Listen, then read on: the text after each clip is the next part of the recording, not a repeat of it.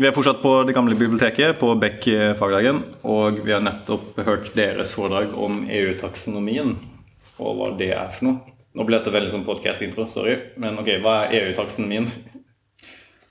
Ja, Det er jo et godt spørsmål. da. Det er jo ikke noe sånn lett svar eh, på det. Men, men det er jo kanskje litt sånn smart å starte litt med bakgrunnen for den. fordi det er jo litt vanskelig å liksom sette litt i kontekst. Um, de aller fleste har jo hørt om Parisavtalen. Um, Hva sa du? Parisavtalen. Parisavtalen? Parisavtalen. Ja. Mhm. Jeg tror det er Prince-avtalen. ja, prins 2-avtalen. ja, ikke sant? Uh, uh, og det er, jo, det er jo en ting som man må forholde seg til. Mm. I tillegg til det så har jo EU-kommisjonen utarbeidet noe som kalles EU Green Deal. Uh, som egentlig handler om at, at EU ønsker å være verdens første klimanøytrale kontinent Mm. innen 2050. Og Det innebærer jo en del ting. Det innebærer, jo bl.a. at man må redusere karbonavtrykket med omtrent 50% innen bare åtte år. Man må investere en trillion, som det heter på engelsk, euro i bærekraftige investeringer. Hvor kommer de pengene fra? Ikke sant? Hvor kommer de pengene fra? Og det, det er et veldig godt spørsmål, fordi det er jo egentlig det som er hele bakgrunnen for taksonomien. Fordi vi er jo helt avhengig av at kapital flyttes fra det som regnes som ikke bærekraftig, eller ikke grønne eh, selskaper, prosjekter, hva det skal være, til faktisk grønne bærekraftige prosjekter og investeringer. Så pengene må flyttes, reallokeres, hva man kaller det, til eh, selskaper som driver bærekraftig, som kort fortalt. Og utfordringen her er jo at man vet jo egentlig ikke hva en bærekraftig eh, bedrift faktisk er. Mm. Det er ikke noen universell standard som sier hva faktisk dette her innebærer. Ok, Så er det det EU-taksonomien egentlig er? Det er definisjonen på hva en bærekraftig bedrift er for noe? Ja, jeg vil si at det er en ganske sentral del av det. i hvert fall. Så er det klart det er noen, noen regler knyttet til liksom, rapportering på ulike ting og ja, utfasing eller innfasing av EU-taksonomien. Men problemet som adresseres gjennom å innføre EU-taksonomien, er, er, akkurat det Snorre sier her. Mm. Og så Tanken er jo at det skal være en sånn de facto standard for eh, hva bærekraft er. Sant? Så Dersom vi skal eh, investere eksempelvis i et grønt fond, eh, og, den, og det viser at det er et, et grønt fond basert på en vurdering av eh, det som står i taksonomien, så er det de facto et grønt fond. Mm. Det er jo det som er tanken bak, iallfall. Nå, nå er Tesla ikke et eh, europeisk selskap, men hadde de vært et grønt, bærekraftig selskap, ifølge den definisjonen her? Ja, det er, det er et godt spørsmål. og EU har utarbeidet et 600 siders langt vedlegg eh, som detaljerer alle mulige krav til ulike bransjer.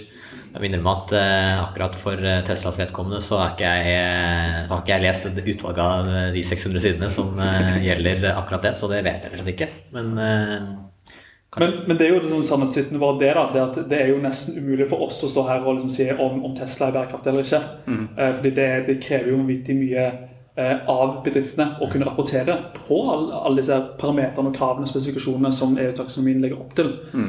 Eh, så det vil si at man eh, som bedrift i dag kan ikke si, sette fingeren i været gjennom en sånn to timers workshop og si sånn, ja, vi er bærekraftige i henhold til taksonomien. Mm. Men veldig mange selskaper som sier det i dag. De sier at de er bærekraftige. Ja, og der er vi jo inne på en ganske viktig eh, problemstilling som jeg, i hvert fall jeg har hørt flere liksom, anser taksonomien for å være et godt svar på, nemlig grønnvasking. Mm. Det jo egentlig er det du viser til, til der. Eh, og det kommer jo nettopp av at man ikke har en standard for hva det vil si å være grønn. Så hvem som helst kan egentlig si det uten at man eh, blir arrestert på det. I hvert fall ikke liksom, formelt. Men det er klart det kan jo høres dumt ut, men det er liksom ikke en klar standard på det. da. Hadde dette vært Politisk kvarter, så hadde jeg spurt mener du virkelig da at alle selskaper er, som sier at de er bærekraftige, driver med grønnvasking? det var ikke det jeg tror jeg, tror jeg sa, i hvert fall. Men, men, at det kan være tilfeller der ute, det mener jeg helt klart, ja. Ja, Det er nok ganske utbredt. Og, det, det, er jo lagt ned mye tid og arbeid i, i EU-taksonomien her av flere eksperter som forsøker da å å, virkelig sette seg inn i hva det faktisk en bærekraftig virksomhet skal være, og hva, hva betyr å være bærekraftig. Mm. Eh, og Det går jo over, um, det er jo flere krav som man skal oppnå. Uh, og, og, De relaterer seg egentlig til sånn, seks ganske spesifikke miljømål som, som er satt opp. Mm. Uh, blant annet å liksom, redusere klimagassutslipp, som, som heter det. Ja. Så Da handler det egentlig om at man skal adressere da, minst ett av de miljømålene eh, og ha det som fokusområde. Samtidig som man ikke skal bidra til vesentlig skade eh, når det kommer til de andre øvrige miljømålene. Hva, hva mener de med vesentlig skade?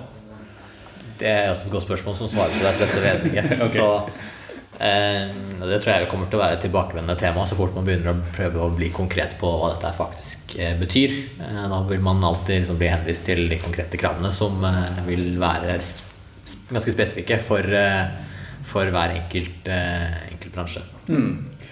Og selv om man gjør en sånn undersøkelse for, for liksom selskapet man selv jobber i, eh, man ser på hele verdikjeden, man, man ser på alle disse kravene, så er det nesten sånn at man kan se for seg at man har en trafikklysmodell. Eh, der som man kan si at ok, her eh, møter vi definitivt ikke kravet. Her er sånn, «Mm, ja, kanskje, vi vet kanskje ikke helt. Eh, og så kan vi kanskje si at ja, her mener vi at vi møter kravet. Og så er det andre problemstillinger da, så at når vi snakker litt om grønnvasking. Eh, hva får det til å sette eh, grønt lys på akkurat den aktiviteten eh, her? Hvem er det som ettergår det? Hvem er det som faktisk sjekker at det stemmer? Men eh, jeg kan si at det er lett, eller halvveis lett for et selskap som driver med produksjon av møbler, da, å kunne liksom si at ok, vi sourcer treverket vårt fra eh, en bedre leverandør som måte sørger for at naturen ikke blir ødelagt osv. Sånn, da. Men hva med selskaper sånn som oss, da? Hvordan skal vi si om vi bidrar positivt eller har gjort en forbedring i reduksjon av klimagassutslipp? Det synes jeg det er et veldig godt eh, spørsmål. Jeg, jeg tror ikke at eh, akkurat eh, IT-teknologiselskaper og managementkonsulentselskaper er omfattet akkurat nå av de detaljerte kravene som er stilt opp. Men hvis man likevel skal prøve å gjette på hva som kommer da, når, når det blir innført, så er det verdt i hvert fall å påpeke at mange av de kravene som står i dette vedlegget med detaljerte krav, er ganske generelle. Eh, så det kan eh, godt hende at man eh, ender opp med å få et krav på seg om å lage en eller annen plan eller oversikt over eh, hvilke utslippene til kundene våre som vi påvirker, f.eks. eh, og at vi får et krav om å bidra til å redusere dem så langt det lar seg gjøre. Ja. Så kommer vi jo da eh, opp i ganske raskt den problemstillingen knyttet til grønnvasking. For hvem skal da validere at vi faktisk gjør dette her så godt det lar seg gjøre? Og så er det jo litt sånn, det er jo lett å tenke ok, men dette her gjelder kanskje ikke Beck, kan man fort tenke. Men, men hele taksonomien legger jo faktisk opp til at det, det kommer til å gjelde nesten de aller fleste for store norske selskaper. Eh, så i første omgang så vil det gjelde liksom, børsnoterte selskaper og det som står som større foretak med over 500 ansatte. Og Der er vi allerede. ja. Eh, og, eh, og etter hvert da liksom blir mindre foretak helt ned til sånn 250 eh, ansatte. Så det her vil jo egentlig gjelde veldig mange, og det betyr at det, nesten alle eh, virksomheter i, eh, i det ganske land her vil måtte forholde seg til taksonomien og munne måtte rapportere på aktiviteter eh, som, eh, som står i det berømte vedlegget her som ble nevnt. Men eh, når er det dette blir innført? Det er vel gradvis eh, innføring i, i praksis, men eh, delvis i år. Ja. Ja, det, startskuddet går jo egentlig i år. Eller det var, eh, det var en liten sånn soft launch vil jeg si da, i fjor, men startskuddet går i år. Hvis det gir mening. Ok, ja, skjønner. Og uh, softlaunchen er jo da på de børsnoterte store selskapene innenfor visse sektorer som er først ute, eller? Eller er det alle sektorene? Nei, det var vel mer på finansmarkedaktører som var nødt til å begynne å, å se litt på, på hvor, hvor de har investert sine midler. da, eh, I hvilke selskaper man ja. Og, se, og sette opp den analysen der, så vidt jeg har, eh, så vidt jeg har skjønt. Hva skjer hvis selskapet ikke gjør dette?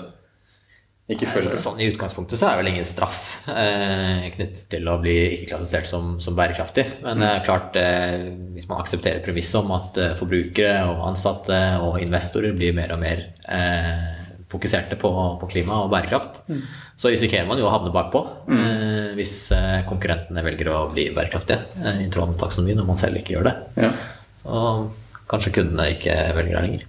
Men eh, kanskje vi kunne tatt liksom det på slutten her. Er, eh, hva slags tallmateriale har vi til å vise at kunder faktisk begynner å bry seg om dette? Ja, altså vi jo, vi ser jo mange av disse store megatrendene. Eh, altså om, eh, altså Du har jo sluttbrukere eh, som åpenbart eh, begynner å bry seg om, om hva type vaner man har eh, som forbruker. Eh, man ser at bærekraftige sel selskaper som fronter seg selv som bærekraftige, som grønne, får stadig mer traction i markedet. Man ser jo at man som arbeidstaker trekkes mer og mer mot det som kalles grønne sektorer. Eh, Og hvis vi ser på finansmarkedet, så ser vi helt åpenbart at eh, grønne fond og grønne investeringsprodukter er mye mer attraktive eh, nå enn det var tidligere.